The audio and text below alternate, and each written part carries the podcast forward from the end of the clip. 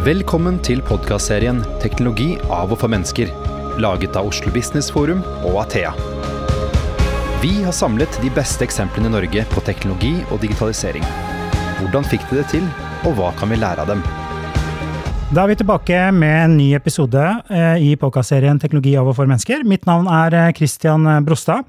Eh, aller først så har jeg lyst til å takke alle dere som lytter hver uke, og all den risen og rosen vi får.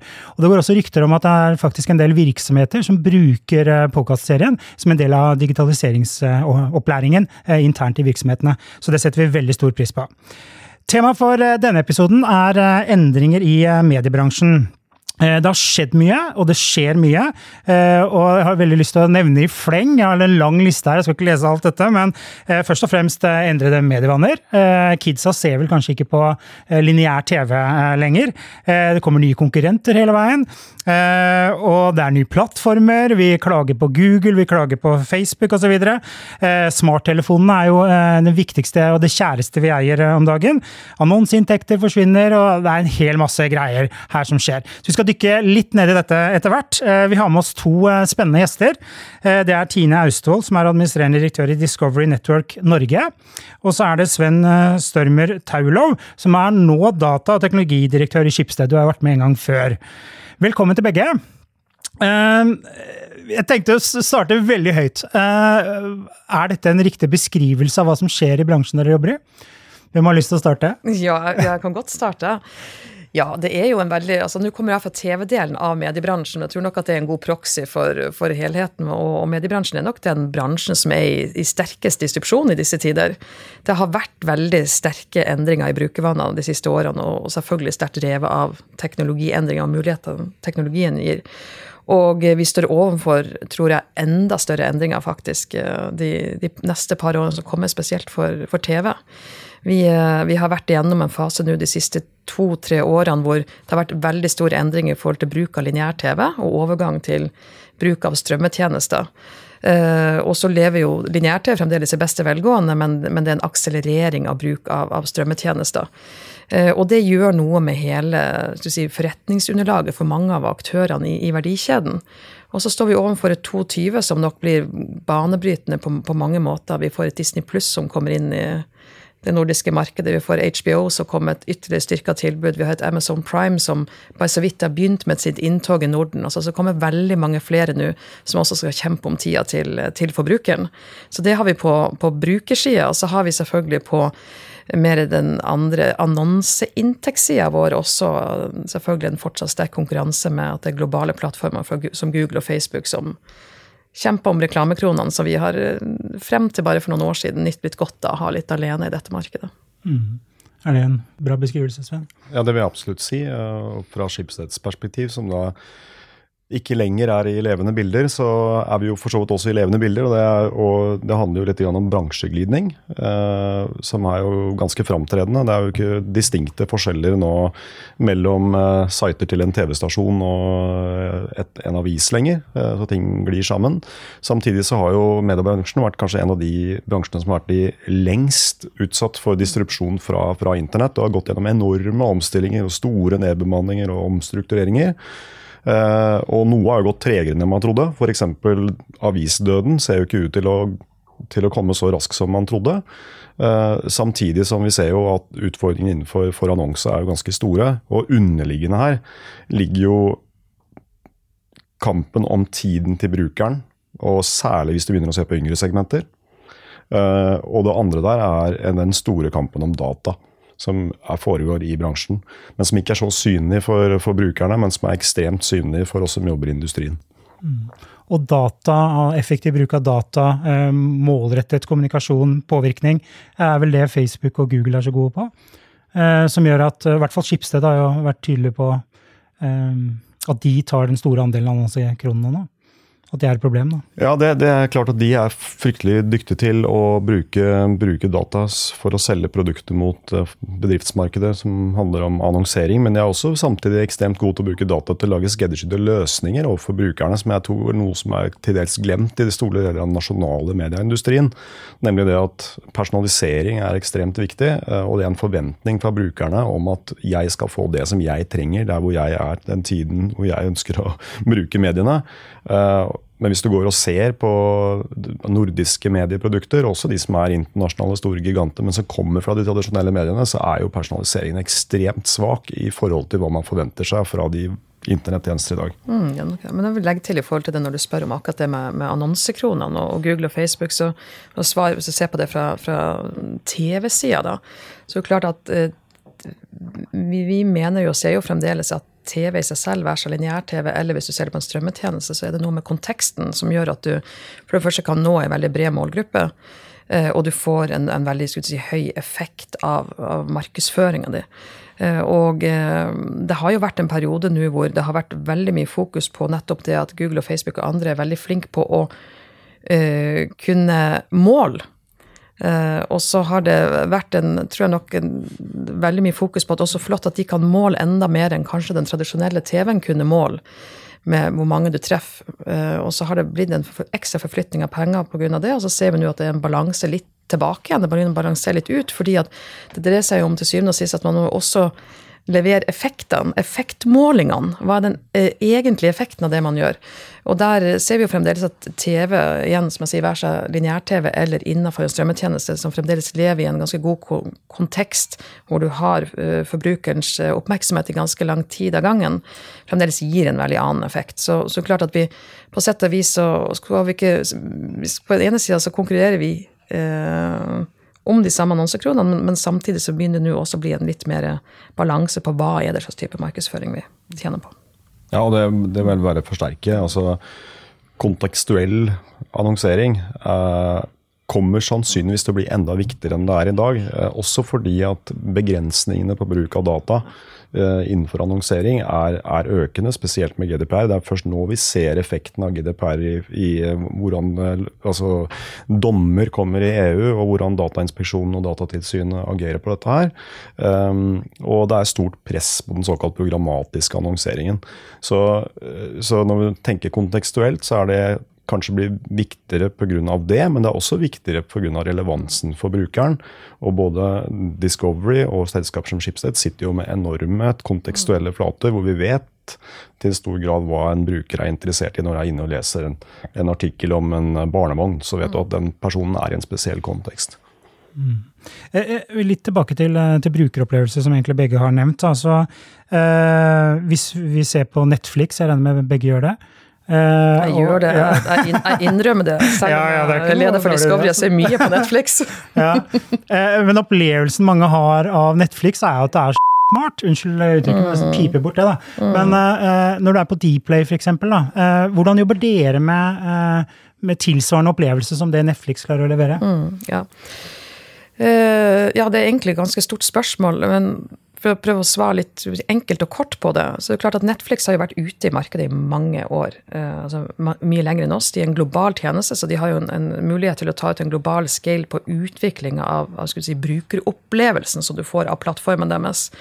Eh, så det er klart at for vår del, som var litt senere på digitalt, men som nå blitt den raskest voksende tjenesten i Norden uh, i inneværende år, så er det klart at vi har vært nødt til å hente igjen veldig mye. fordi at Netflix og andre setter jo standarden for hva forbrukerne forventer som minimum å få av et friksjonsløs opplevelse. Uh, og så er det jo sånn så at uh, selv Netflix er jo ikke den fungerer veldig fint, men det er jo ikke det mest sofistikerte man kan finne i markedet. Så for oss dreier det seg om å både å sørge for at våre tjenester, strømmetjenester kan levere på, på samme brukeropplevelse på det som er hygienefaktorene, men også for, for, oss å gå en litt annen vei enn det Netflix gjør. For eksempel så jobber vi med noen tjenester der vi ser på hvordan kan vi ta det steget videre og gå det vi kaller beyond video. Netflix er jo ren video. Mens vi ser på hvordan der vi har vår, vårt innhold som vi eier selv, hvordan kan vi gjøre mer ut av det. I USA har vi nå nylig lansert Øven Carlen en strømmetjeneste, skråstrek app, der du i tillegg til å kunne se alt vi har av matlagingsprogrammer, også kan bestille ingrediensene som du trenger for å være med og følge et uh, kokeshow på, på strømmetjenesten og også på den måten kan få inn veldig mange andre produkter og tjenester inn i selve strømmetjenesten. Så vi prøver liksom prøver å finne vår vinkling på det, hvor vi kan differensiere oss fra, fra Netflix også. Mm. Ja, og det er jo klart at hvis du skal bevege deg opp mot det nivået som Netflix er rundt personalisering, som er jo det jeg opplever at du sier at det er en god opplevelse på Netflix, så kreves det jo ganske stor investering i både hvordan du henter inn dataene, hvordan du kurerer dataene, og hvordan du jobber med maskinlæring på de dataene altså Algoritmene hos Netflix og også hos Skipsted, Schibsted, hvor vi har ganske store ressurser som jobber med det, er det er mange algoritmer som jobber i parallell. De konkurrerer mot hverandre for å lage best mulig recommendations mot brukerne. Og det er et ganske langt løp for å klare å gjøre de algoritmene så gode at du opplever det som gode som bruker. Så det er, det, er, det er, et veldig godt spørsmål, og det krever ganske stor skala for, det, for, for å få det til.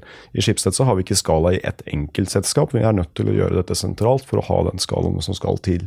Og I Discovery har dere jo mange selskaper på tvers av planeten, så det gjør at dere også kan få en skala for å få ja, Og det er jo noe vi, vi har klart å gjøre for vår del. som fra sånn indremedisin kvantesprang på de siste to årene. Fra å være liksom fragmentert der på tvers av markedene til at vi nå har en plattform, altså Dplay, som vi nå utvikler for Norden, har nå blitt standarden globalt for strømmetjenestene våre. På den måten så kan vi nettopp å få ut den scalen med, med å kunne begynne å jobbe mye mer med dataene og dra læringa på tvers av landene. Og der ligger jo f.eks. Norden veldig langt fremme. altså vi, vi, blir ofte referert til i Discovery-kontekst som kanarifuglen i kullgruva. Mm. Eh, og ser veldig mye på, på læringa og bruker mye av dataene fra Norden til å dra erfaringer over til andre markeder. Eh, det jo, og det er jo en veldig spennende reise å være med på. Jeg synes Du sa veldig interessant, i det, var jo dette med måten dere da kombinerer tradisjonelle medieassets med transaksjoner og det å egentlig drive e-commerce.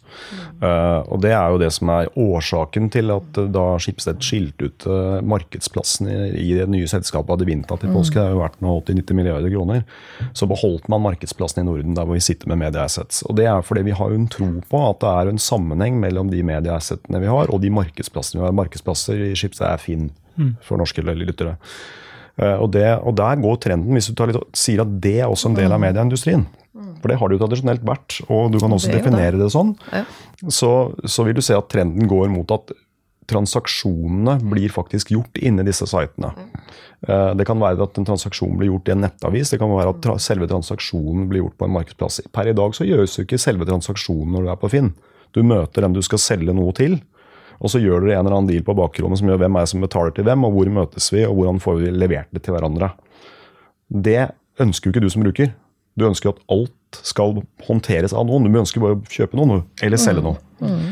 Og det er det du er også inne på. som du gjør kredittkortet Og legge igjen kredittkortet og gjøre betalingen. ikke sant? Og det er, det er også en trend i medieindustrien. Du ser det fra de internasjonale gigantene. at De ønsker å kjøre advertising inn i Instagram eller inn i Snapchat, og så inkluderer det med betalingsløsninger, og så gjør du transaksjonen der inne. Den, det, det er en kjempetrend innen den hva skal jeg si, større medieindustrien, som uh, blir ganske avgjørende i tiden. Og Der vil vi nok se, for å legge til på det, at de som sitter og eier den, eh, si, det grensesnittet med hvor du har lagt inn kredittkortinformasjonen din, mm. den som sitter på den faktureringsnøkkelen, de uh, kommer til på et vis være det nye altså Veldig mye si, kraft og makt framover. Og da positivt ment, uh, fordi at det vil være så veldig mange andre, tror jeg, som ønsker å samarbeide tett med de som sitter på nettopp den nøkkelen. Mm. Og det er derfor vi har den plattformkampen, da. Mm. Å eie dataene osv. Uh, eh, ja, det er en sentral del av denne underliggende trenden i media, hvor data er blitt helt essensielt. Mm. Uh, ser, og det er litt, kanskje litt dumt, men vi, ser, vi snakker jo om Netflix, Disney pluss uh, osv., HBO. Um, og så har du sagt noe, Tina, at um, uh, nå kommer det uh, en svær uh, endring her og i Norden. 2020 har du sagt. Hva, hva, hva, tenker du om det, eller hva legger du i det? Ja, Det ene er jo det underliggende med selvfølgelig, som jeg sier, brukervanene som har endra seg så radikalt pga. det teknologien muliggjør. At vi har fått et stort skifte fra altså Aldri har nordmenn brukt så mye tid på levende bilder Uh, aldri har de brukt så lite tid på lineær-TV. Men så må vi huske på at den tida som man fremdeles legger igjen på lineær-TV i Norge, er faktisk veldig mye. For gjennomsnitts nordmenn så det er nesten 80 minutter i døgnet. Og hvis du ser på den godt voksne målgruppa, så er det fremdeles rundt to timer. Så det er jo, det er jo fenomenalt. Men, men, det har skjedd en stor endring der. Uh, og så har vi da hatt et inntog av disse globale strømmetjenestene. Som, uh, og da er vi inne på noe viktig, som leverer fantastisk godt internasjonalt innhold, store, dyre scripted drama som ingen norsk kringkaster kunne tatt seg råd til å lage. Og det kan de gjøre fordi at de på børsen er vurdert som en vekstaksje. Altså de, de blir på et vis subsidiert for å kunne bygge kundevolum som gjør at de, kanskje, at de kan tjene penger fram i tid. Eh, og det er jo noe vi tradisjonelle kringkastere ikke Vi blir, må også levere uh, sunn, fin cashflow på dagens business. Men det gjør jo det at vi har fått et inntog av mange aktører. Vi får et inntog også av globale aktører som ikke nødvendigvis tjener penger på selve innholdet, men bruker innholdet for å få inn brukere. Der er det f.eks. Amazon Prime. Der tror jeg også man faktisk vil ha Apple. Så det er sikkert noen som vil bli uenig med meg i akkurat den vurderinga. Men, men, man får mange inn. Så det har blitt veldig, veldig tett konkurranse. Det er veldig fragmentert. Og midt i dette her så, så har man da TV-distributørene eh, og andre telekomoperatører som ønsker å, å, forsvare sin posisjon med å være den som på et vis eier eh, grensesnittet mot forbrukeren. Så de begynner også å se på skal de, hvor skal de plassere seg i, her. Mange driver en vertikal integrasjon, som Telia, som har kjøpt opp Bonnier i Sverige, som har kjøpt opp Get i Norge som TV-distributør. Begynner å bevege seg inn i innhold for å få på et vis ei større del av kjeden, for å få en større kraft. Så vi får TV-distributørene som kommer inn og skal ha en enda større makt. Vi får den vertikale integreringa. Vi har Disney pluss og alle disse her som, som kommer inn også. Og det jeg tror vi vil, vi vil se i 2020, det er det at nå vil det begynne å, å skille seg ut hvem som kan være med videre, og hvem som ikke er med videre, rett og slett. Vi vil få en rett og slett eh, avskalling. Så, så, er det jo, en, ja. så er det jo et uh, stort spørsmål. Er, når mm. er det du får en såkalt ja. subscription ja. fatigue? Hvor mange tjenester kan du ha? For her har du egentlig content is king som kommer inn igjen. Nå har Netflix begynt å produsere selv, og så blir de andre provosert av forhandlingene, og så lager de sine egne strømmetjenester, og så har du en fragmentering av hvor mange tjenester gidder du i utgangspunktet å ha som bruker? Hvor mange abonnementer ønsker du å ha for ulike tjenester? Det ble ganske interessant å se. for det er klart at Hvis du begynner å legge til alle abonnementene du har som bruker, så begynner det etter hvert å bli ganske mye penger. 99 kroner her og 99 kroner der er ikke så mye, men hvis det er veldig mange av dem, så blir det, begynner å bli ganske mye penger. Selv, Nei, jeg gjør jo nesten ikke det. Så det, det er ganske stor, stor, stor utfordring for hele industrien. Og så må jeg jo si at jeg personlig var jo blant de som i 2010 sa at uh, om ti år så er lineær-TV dødt. Da er det ikke noe satellittvirksomhet. Jeg jobbet den gangen i Telenor, og vi startet streamingtjeneste. Uh, Bl.a. sammen med mm. det, det, som da var TV Norge. Ja, Komoyo. Mm. Komoyo. Og læringen etter å ha vært i både mobilindustrien og TV-industrien og nå i medieindustrien, og kan konstatere at papiravisen er i beste velgående, er at ting tar mye lengre tid enn man tror. Mm. Men til syvende og sist så dør det. Og det er jo Fasttelefonien er jo et eksempel på det, hvor i utgangspunktet churn-raten sannsynligvis til Telenor var omtrent på samme nivå som antall mennesker som døde per år. Mm. Så da, noen, det kom ikke noen flere heller inn. Uh, og det vil nok skje både med lineær-TV og det vil skje med papiraviser, men det tar veldig mye lengre tid, og man har en tid til å omstille seg. Og så er det spørsmål vil det komme for de brukergruppene i dag som ikke har lineær-TV, men som kjøper strømmetjenester for Tine og den slags uh, selskaper, hvordan vil denne markedsdynamikken slå inn når disse store gigantene kommer inn og tar alt sitt content og samler det på sin egen tjeneste og utarmer innholdsposisjonene til de som er tradisjonelle distributører? Mm. Det er jo ganske interessant. Dere lurer jeg litt på hvordan du ja. tenker, Tine. Veldig godt spørsmål, Sven. Det jobber, det jobber vi mye med. Nei, gjør du det? Ja, vi jobber mye med det. Uh, nei, Der går det jo på, på hvilken posisjon tar vi, for vi ser jo at det, blir, det er et veldig fragmentert marked. Det blir sterkere og sterkere konkurranse. altså Litt tilbake igjen, det er globale innholdsaktører som, som uh, blir på et vis subsidiert på børsene og driver disse voldsomme innholdsinvesteringene sine. Vi er veldig tydelige på at vi skal ikke konkurrere med den type innhold. Altså jeg pleier å si at vi, vi skal ikke leke samme sangkasse som dem. Eh, den øvelsen har vi vært gjennom selv, og vi, vi, har kommet veldig tydelig ut av den med å si at vi skal fortsette der vi tror som gjør at vi kan leve godt i framtida. Det fortsatt være gode på det vi opprinnelig har vært gode på. På lokalt nivå så er det DNA-et vårt som er det norsk, det gode norske historier, det er norsk humor, og det går på innsida av norske samfunn. Og det er jo på, på, sport som er relevant for det norske folk. For vi tror det at Netflix og HBO og, og disse her, de vil ikke komme inn all masse og lage masse som er særegent for den norske konteksten. Kanskje noe ny og ne, sånn som nå har Netflix en julefilm og sånt, men, men, det de skal gjøre i forhold til, eller sikkert kommer til å gjøre i forhold til eh, lokale produksjoner, da kommer de nok til å gå etter mye større markeder enn enn Norge. Det der vi må huske på at vi er bare litt over fem millioner mennesker, versus Tyskland, som er mange flere. Mm. Så for oss så dreier det seg om å spesialisere oss, og det er jo det vi, vi også har gjort i forhold til Dplay de siste årene. Det har gått veldig tydelig etter de unge voksne, de som aldri kom til TV. Ikke cord cutters, men man kan kalle de cord nevers.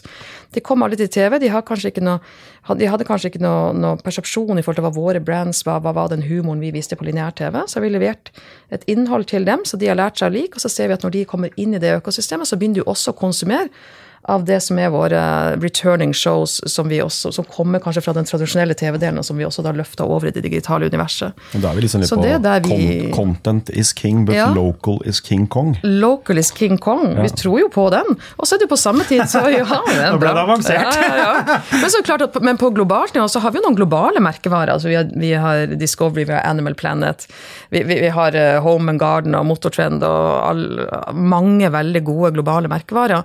Og det er klart at der tenker vi jo eh, litt annerledes. Eller der tenker vi at vi skal fortsatt være gode på det vi skal være gode på, det å være en vertikal og være der for superfans. Men der er det der vi kommer på dette med å gå beyond video. Vi tenker nei, men da må vi prøve å gjøre det på en litt annen måte. For der tror vi fremdeles at vi kan stå ut i forhold til Netflix og HBO. De går jo også inn i den type globale vertikaler, men vi har det største arkivet der, og vi ligger i forkant og har talentene på våre skjermer, og da tenk på hvordan vi kan, som vi gjør med mat i USA. Vi har også lansert noe som heter Golf TV globalt. Norge er et av de største markedene vi har for Golf TV. Der vi på et vis eh, har fått Pegan for tolv år, inngår et samarbeid med Tiger Woods og prøver å lage veldig mye mer enn den tradisjonelle TV-opplevelsen. Så vi prøver oss litt sånn i ulike flanker, men det er mye test og lære. Og det er det at vi, vi, kan ikke ha låste posisjoner. Vi må tørre å prøve, så må vi tørre, tørre å trekke tilbake og gå, gå litt frem og tilbake. Ja, og jeg tenker også Det er verdt å ta i kontekst når du spør om mm. hva er trendene i media og hva er det som skjer. Så er det verdt å, å merke seg at vi som privateide medieselskaper eh, må jo tjene hver en krone hver eneste dag. Eh, enten på annonsering eller abonnement. Mens de store statsfinansierte kanalene NRK og SVT i Sverige må jo ikke det og har ekstremt store ressurser. Det er klart at det er krevende for oss. Vi er under krysspress egentlig både fra de nasjonalt finansierte eh, kringkasterne samtidig som vi har press fra Google og Facebook innenfor vår annonsevirksomhet. Så det er klart at det er en veldig krevende omstilling med alle disse tingene som skjer samtidig, men samtidig essensielt at vi lykkes for at vi skal ha en, en fri og god presse i, i, i, Norden. Men det er et veldig viktig poeng du tar opp der, Sven, for det tror jeg kanskje mange ikke er så klar over, mindre man liksom jobber i mediebransjen og er inne i det. det er hvor hvor, hvor, spesielt det er for det nordiske markedet. For at du skal ikke langt utenfor Norden hvor du, du, ikke ser det der. Da kommer du til markeder hvor du ser at allmennkringkasteren kanskje av og til får mindre penger år for år. Og så er vi et marked hvor allmennkringkastere altså de, de, de, har på et vis samme støtte som før, så de har en mulighet og, og har vært kjempeflink på å utøve oppdraget sitt på mange måter. Og, og har et sterkt i tradisjonelt tilbud, sterkt digitalt. Så det krysspresset der, det er det skal, vi, det skal vi ta på alvor. Eh, virkelig. Eh, vi opplever det dag for dag. Innenfor TV-bransjen så er det jo spesielt å se at vi både skal, vi har to oppgaver å løse. Vi skal fortsette å beholde en styrke i lineær-TV, for det skal leve i mange år. Og skal vi akselerere eh, en utvikling digitalt. Eh, og da er det jo snakk om å frigjøre midler og flytte midler over til digital produktutvikling, til innhold som skal fungere for digitalt, og for oss også har vært sport. Men på samme tid så har vi i det norske markedet en, en mer eller mindre spiral oppover på, på, på innholdsinvesteringssida på tradisjonell TV også, som er ganske på et vis litt motstrøms i forhold til hva man finner i veldig mange andre markeder. Så både for å beholde en relativ posisjon i tradisjonell TV, så koster det oss mer innhold og samtidig skal akselerere digitalt. Så vi får en ekstra tung øvelse i forhold til det med å frigjøre midler for å kunne akselerere digitalt. Så det er en veldig godt poeng, Sven. Vi klapper. Mm. du nevnte så vidt, eh, mm. Tine. For jeg tenker, hvordan vet dere i Discovery hva folk vil ha? Mm. For dere eksperimenterer jo en del, men Mm. For, for, andre lyttere. Da, liksom. For det er jo den store greia her. Ja. Det er ikke alltid du vet hva du bør tilby. Ja. For du vet ikke hva folk eh, Folk ja. vet ikke engang selv hva de vil ha. Hvordan jobber dere med det? Nå er vi, altså Det med å jobbe med TV, utgangspunktet å jobbe med kre, kreative produksjoner, da er vi jo veldig tett på si, sluttbrukeren, den seeren, i utgangspunktet på å følge trender, hva det er de vil ha. Altså, det er jo liksom selve opphavet til det. En blanding av det med kreativitet og nytenkning.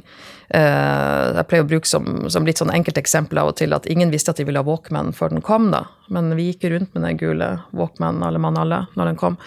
Uh, og for oss nå så dreier det seg bare om å bli enda mer sofistikert innenfor det med tilgangen til all dataen vi har. Så informerer den oss jo i veldig stor grad. Uh, vi får både at vi kan, kan lese noen trender ut av Altså vi kan, kan sette dataene sammen og, og, finne nye kombinasjoner av hva vi tror vil treffe. Men så er det jo også det at dataene gir oss en veldig umiddelbar tilbakemelding på hva som fungerer eller ikke. Så det å balansere det med samtidig det med å kunne komme med noe nyskapende og kreativt som ingen visste at de ville ha, for det er jo på et vis litt det som har vært DNA-et til TV i alle år. Så for oss er det jo å balansere det, men vi har jo nå fått litt som sen på dette med, å ha den tilgangen til dataen. Vi har jo nå endelig tilgang til data, så for oss er det bare hele tida å, å, bruke den best mulig. Men vi bruker den i mye større grad uh, enn det vi gjorde for bare noen få år siden. Vi gjør det. Så det er spennende. Det er jo blitt en del av den daglige dialogen uh, og det nye, si, en del av det nye DNA-et vårt. da. Ja, og Vi jobber jo i Skipsted med noe, noe, raskere iterasjoner enn man gjør i, i TV, mm. hvor man satser på ganske store investeringer for å få noe ut om en stund. Så vi bruker jo kanskje data enda mer, uten at jeg vet nøyaktig hvordan dere gjør det, eh, for å se hvordan en, en sak eller en podkast eller en videoblogg eller hvordan det faktisk scorer. og Sånn sett så desker vi jo da fortløpende. Men jeg vil altså påpeke media i det større konteksten. altså Hvis du definerer media som noe større bare enn en TV, TV eller, eller, en avis, så jobber vi i Skipsted veldig systematisk og har gjort det over mange år med våre venture-investeringer. Og Det er jo rett og slett å ikke bare prøve å finne ut hjulet selv, men se der ute hvilke selskap er det som lykkes med ulike former for tjenester eller innhold. Og så investerer vi de enten i, i ganske små minoritetsposter i starten, eller så går vi ganske tungt inn tidlig. Uh, og Der er Schibsted sannsynligvis blant de, det, det norske selskapet som har gjort dette systematisk over lengst tid. Eh, og håndterer dette på en veldig profesjonell måte. Så har vi hatt våre, våre issues opp gjennom, eh, opp gjennom, årene hvor vi har lært hva man skal gjøre og ikke gjøre osv. Jeg tror vi har lært veldig mye av en, eh, en, noen hendelser som vi hadde for, for, et par år siden. Men dette er et utrolig viktig del av vår innovasjon innenfor både innhold og tjenestemarkedet, er å jobbe innenfor venture. Og Der tilfører vi stor verdi, ikke sant? for vi har fryktelig mange brukere. Vi er jo blant de største sitene i Norge og Sverige, i, i tillegg til Google og, og, Facebook. Og vi går inn og investerer et selskap, så hjelper vi det selskapet med vekst. Vi rett og slett plugger dem inn i trafikkmaskinen til Skipsted, slik at det for fryktelig mange mennesker blir eksponert til en tjeneste som kanskje bare et par karer og jenter driver, holder på med inni en krok. Og Det er en veldig viktig del av vår måte å, finne nye tjenester og nytt innhold på som fungerer, i tillegg til det organiske vi gjør. Gjør dere noe tilsvarende, eller har dere all utvikling in-house? Eh, vi har både og, vil jeg si. Altså, Nå kommer vi også litt tilbake til hva, hva som er DNA i TV-bransjen. Så er det jo det kreative. Der er man jo vant med å jobbe med både idégenerering internt, og også må jobbe med veldig mange eksterne miljøer. Altså hvis man tar den tradisjonelle TV, må jobbe med et ekstremt størrelse av produksjonsselskaper, andre selskaper som eier TV-formater og ideer. Så vi er jo vant med den interasjonen med at ideer kommer både internt fra og eksternt fra.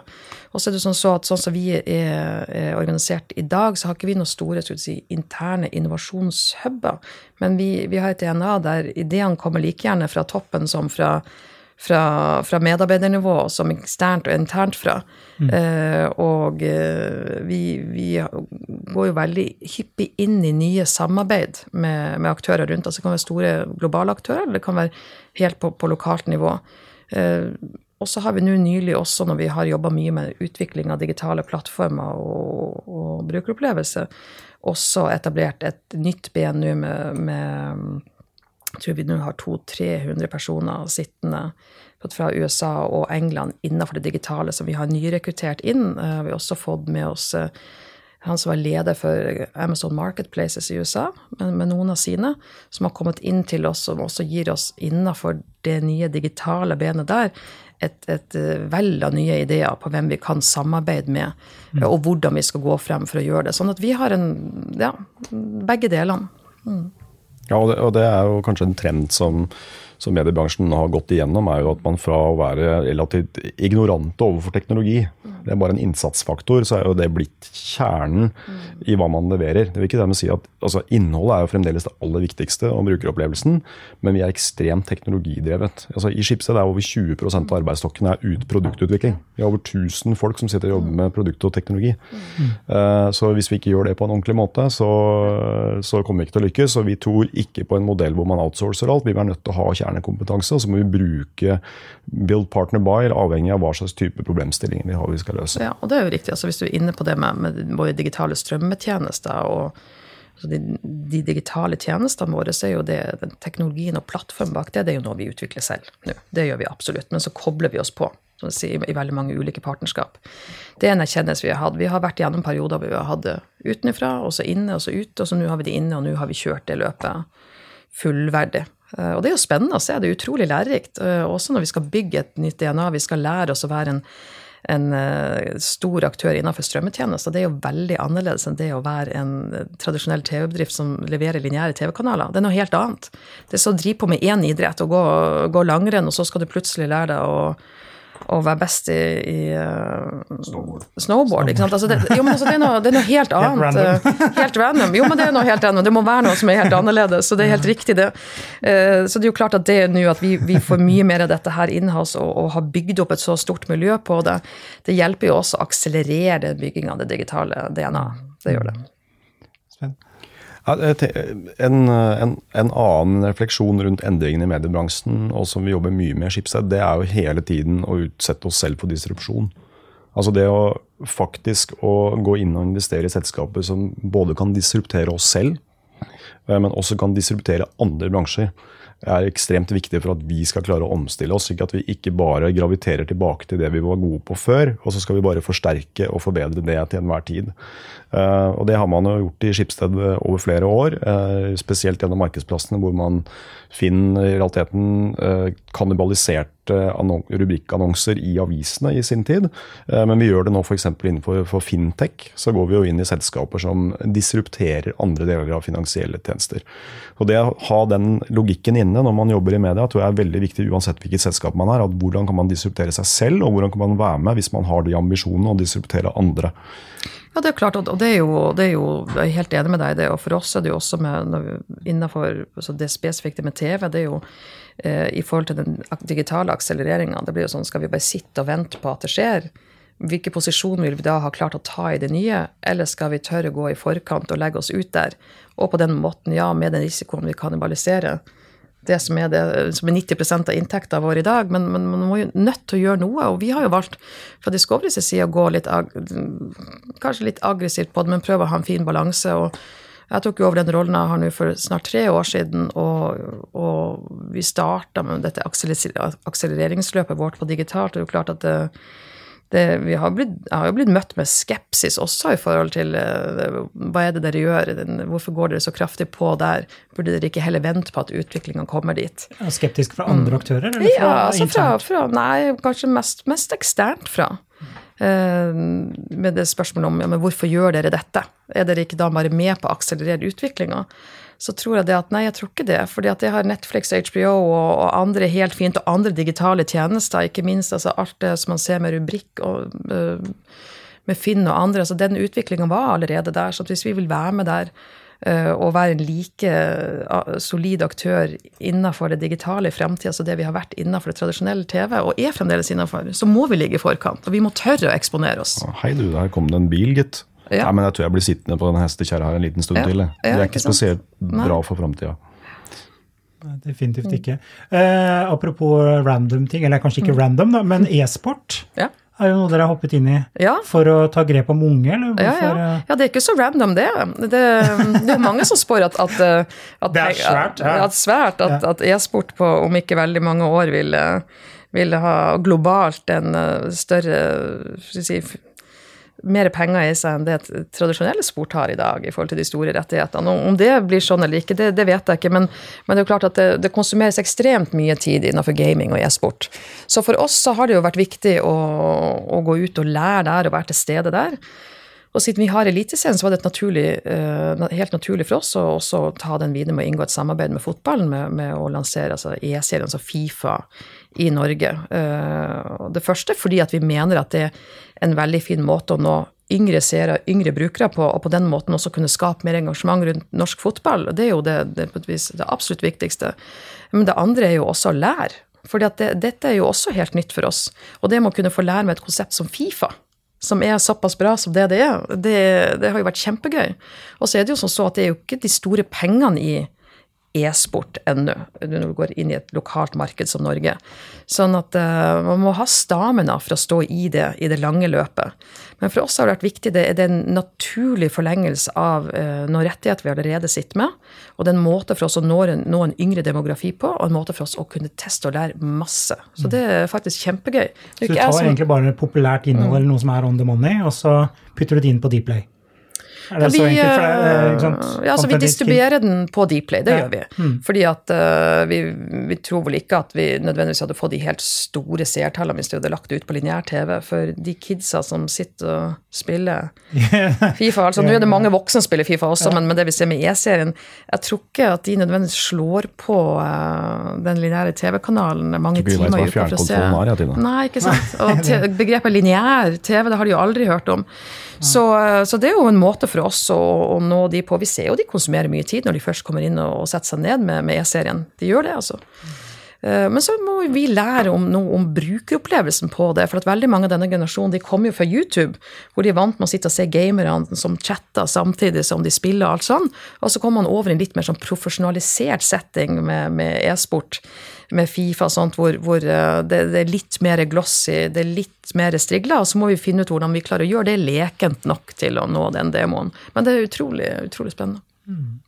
Jeg vil nærme slutten, men jeg tenkte jeg skulle utfordre på én ting. Eh, eh, hva er liksom the next big thing innenfor bransjen? Ja, hvilken bransje er dere egentlig? Ja, det, det, si. det, har vi ikke snakka om. egentlig. Ja, det er en bransjeglidning. Ja. Det er vanskelig å si hva the next big thing er. Jeg vil, jeg vil si at Eh, det er en stor endring for den delen av medieindustrien som jeg representerer, er eh, at man går over i, i, i mer abonnementsløsninger enn det man abonnementsfinansiert business. Jeg vil si at vi ser en fantastisk uh, utvikling på lyd, på podkaster. Uh, hvordan er det du klarer å monetize? Det er jo et stort spørsmål for mange av oss. Men det er helt åpenbart at det, si, det sparkler den siste delen av livet ditt hvor du ikke konsumerer media. Mm. Nemlig når du sitter på en T-bane etc. Um, det kommer til å bli stort. Og så er det, det tror jeg det ligger veldig mye i pakketering. At du pakketerer uh, eventer med podkaster, med videopodkaster. Du kan gjøre det med, kan kombinere det med spill. Du, du, lager rett og slett konsepter som ikke det er enkeltstående medieprodukter som står for, men det er, det er flere, det er multimedialt, for å bruke et gammelt uttrykk. Jeg tror jeg blir ganske framtredende i, i tiden framover. Mm. Ja. Tine, hva tenker du? Oh, ja, det, det, er et veldig stort spørsmål. Jeg skulle ønske at uh, Nå skulle vi hatt Åndenes maks der, så hva hadde vi fått hjelp her. Det er på TV Norge. Det, det, på, at jeg det er på TV Norge og Dplay. Ja, ja, ja. Du kan få deg lunsj med Lilly. Du har det programmet også på Dplay. Um, jeg tror vi kan se flere ting. Det ene som, som uh, tror jeg next big thing, altså da tenker jeg i TV-bransjen, så er, tenker jeg ikke veldig lang horisont, for at den er i så hyppig bevegelse. altså aldri har endringa vært så sen som det den er nå. Ennå til som vi opplever det til å være så hyppig som det den er. Den kommer til å bare akselerere fremover. Eh, jeg tror at eh, neste store ting kan være at det kommer et eller annet stort oppkjøp som vi ikke så kom i det norske markedet, som kan endre helt på markedsdynamikken innenfor media. Hva det er, det vet jeg ikke. Eh, så tror jeg en annen the next big thing som vi kan se, det er noen globale aktører som Netflix og andre er nødt til å vise at de også tjener penger. Eh, den er kanskje litt lengre fram, men på et eller annet tidspunkt så, så krever jo eh, investorene deres at de også skal nå kunne klare å materialisere disse nye forretningsmodellene sine. Ser store. Yes. Eh, og så tror jeg det tredje som kanskje er mer veldig sånn TV-spesifikt, eh, det er at vi vil se eh, det, Vi kan komme til å se at det begynner å skje noen store skifter mellom at TV-distributørene sitter og er den er pipen til sluttbruker, til at eh, det, det, det skjer Det blir framtvunget noen endringer på at det blir mye mer direct to consumer. Som jeg, for så, som jeg håper at bransjen klarer å jobbe sammen med å, å holde sammen i lengre tid. Men vi ser f.eks. nå i Danmark, for å bruke det som et eksempel, så er vi i en forhandling med en, en TV-distributør i Danmark, eller har vært det, for vi er ikke forhandling nå, eh, som heter Juicy, hvor, hvor uh, Juicy ønsker å endre på pakketering av hvordan de pakketterer våre kanaler, som ikke samsvarer med måten vi driver vår forretning på. Og hvis vi der ikke kommer til enighet, så vil vi da gå inn i et nytt år neste år, hvor vi da eventuelt eh, rett og slett eh, ikke distribuerer gjennom dem, men går direkte selv. Og det er en voldsom endring innenfor den lille TV-bransjen. Altså ikke via kabel, men rett mm. på nett. Ja. Mm. Såkalt eh, over the top. Over the top. At, det blir, at, det blir, eh, at det, man får et tipping point på det i noen av markedene i Norden. Jeg må få lov til å legge til, at jeg, I og med at jeg er teknologidirektør, da, så må jeg få lov til å legge til eh, en aha-opplevelse jeg hadde her forleden. Jeg skal ligge, hjelpe retail litt grann, før julestria. Uh, for uh, er det én ting som jeg tror har kommet ut av jammerdalen, så er det virtual reality. Mm. Jeg sjekket den siste VR-brillen fra Oculus. og jeg må si at jeg har prøvd alle i de siste årene, og nå er jeg i ferd med å skje noe. Eh, jeg tror ikke nødvendigvis at dette blir liksom den som breaker i hele befolkningen, mm. men nå har det blitt så bra at i hvert fall neste generasjon kommer til å bli det kommer til å bli en skikkelig breakthrough. Og Det var mange av oss som ikke trodde det. Eh, jeg tror personlig på det nå, så jeg er åpenbart litt for tidlig ute alltid. Så det er mulig at jeg tar feil, men eh, hvis du skal liksom tenke hvis media og hva folk bruker tiden sin på, der kommer det til å skje noe i løpet av de neste fire-fem årene. Også. Så det blir årets julegave hjemme hos dere? Ja, jeg, har, vi får se. Jeg, jeg, bruker for mye penger på sånt, så vi får se hva jeg får lov til. De sa Google Home i fjor. Ja, den, eh, den, fikk vi oss i fjor. Den støver bort oss. Altså. Den endte jeg opp med å bare bruke til å spille Spotify. fordi at den, og det er jo, den, den, var bare ikke helt der ennå i forhold til forståelse av min nordnorske dialekt. Men etter at kids har overtatt den og, og snakka til den på engelsk istedenfor, så har eh, de plutselig mye mer glede av den. Mm. Så det er jo morsomt. Hun forstår ikke så veldig mye på norsk. Nei. Den, jeg forstår ikke hva du sier. Ja. Forhåpentligvis blir den bedre. Den blir nok det, men den funka veldig bra på engelsk. Det. Bra. Eh, vi har eh, en fast spalte, eh, så nå skal vi snoke litt i privatlivet deres. Høfta. Oi. Hva er liksom greia med VR, AR, XR? Eller Facebook, Google, personvern, personalisering og GDPR? Big data, IOT, blockchain? Eh, som vanlig så har vi noen dilemmaer. Eh, så det er altså, gir dere to alternativer, og så skal dere velge ett av de. Eh, da kan vi kanskje starte med deg, Sven. Det er ikke så veldig snoking, altså, så dere må ikke bli nervøse. Men Instagram eller Snapchat? Snapchat. Insta for min egen del og Snapchat når jeg vil ha tak i kidsa som ikke svarer på noen annen plattform. Mm. Det er for morsomt med filtre. Sorry. Det blir ja. Snapchat. Det blir Snapchat, ja. Tog eller fly? Når du skal reise? Jeg må innrømme at det er fly. Mm. Jeg har hatt for mange vonde nattogopplevelser til Trondheim, eh, ja. så jeg, nei. Ja, nei, jeg innrømmer det. Altså, jeg, jeg, burde ha flyskam, men jeg har det ikke. Ennå. Så det er fly på deg, ja. Men jeg er klar over hva jeg gjør med miljøet. Ja. Mm. Eh, tredje, emoji eller tekst? Emoji. Ja, emoji. Mm. Det var ja, ja. De får alle har mange andre svarer tekst. da. Men, ja. Men emoji, får du uttrykt deg ordentlig med emoji? Eller spriter du opp tekst med emoji? Det kommer an på hvem jeg kommuniserer med. Med sjefen min så er det stort sett tekst, faktisk. Ja. Ikke så mye sånne kyssemerker og sånn der. Men, uh, ja, nei, sånn, Sender du sånn til USA, eller? Til Discovery? Nei, ikke noe med sånn kysseansikt på. Men uh, det hender at jeg bruker bare emojis også. Men nei, det, det, er nok sikkert litt hvem man kommuniserer med. Men jeg bruker ja. mye emojis. Men jeg bruker de som er den emojien som du nå har av deg selv. Den, du har jo sikkert den du også, Sven. Har du ikke fått en som ligner på deg, da? Jo, jeg må, jo, jo. Avatar, ja. Den, den bruker jeg vel egentlig mest privat, da. Men mye. Mm. Neste gaming, eh, altså e-sport-lignende ting, eller brettspill? Ai. kan ikke du ta først av tiden? Det måtte jeg tenke på. Nei, altså Hvis det inkluderer spill på mobiltelefon, så må jeg vel si gaming. Men det skal sies at jeg spilte Monopol for første gang, for i helga for første gang på mange år. Ja. Og det var kjempegøy. Men det tok jo fader meg aldri slutt. Sier du det? Nå skal jeg fortelle hva jeg gjør. Da kom jeg på at egentlig graviterer jeg har gravitert mer og mer mot brettspill, for det er veldig sosialt og hyggelig med familien. Og vi har begynt å spille Risk, og det tar Å, enda lengre tid. Og det er utrolig gøy. Den kan jo vare i hel helg. Ja. Ja. Det er akkurat det du gjør, og det er helt konge. spilte vi mye når vi var student. Ja. Kjøp et nytt. Neste ringe eller sende meldinger. Meldinger. Meldinger. Vi har slutta å ringe, nesten. Eh, kort, altså plasskortet, eller mobilbetaling?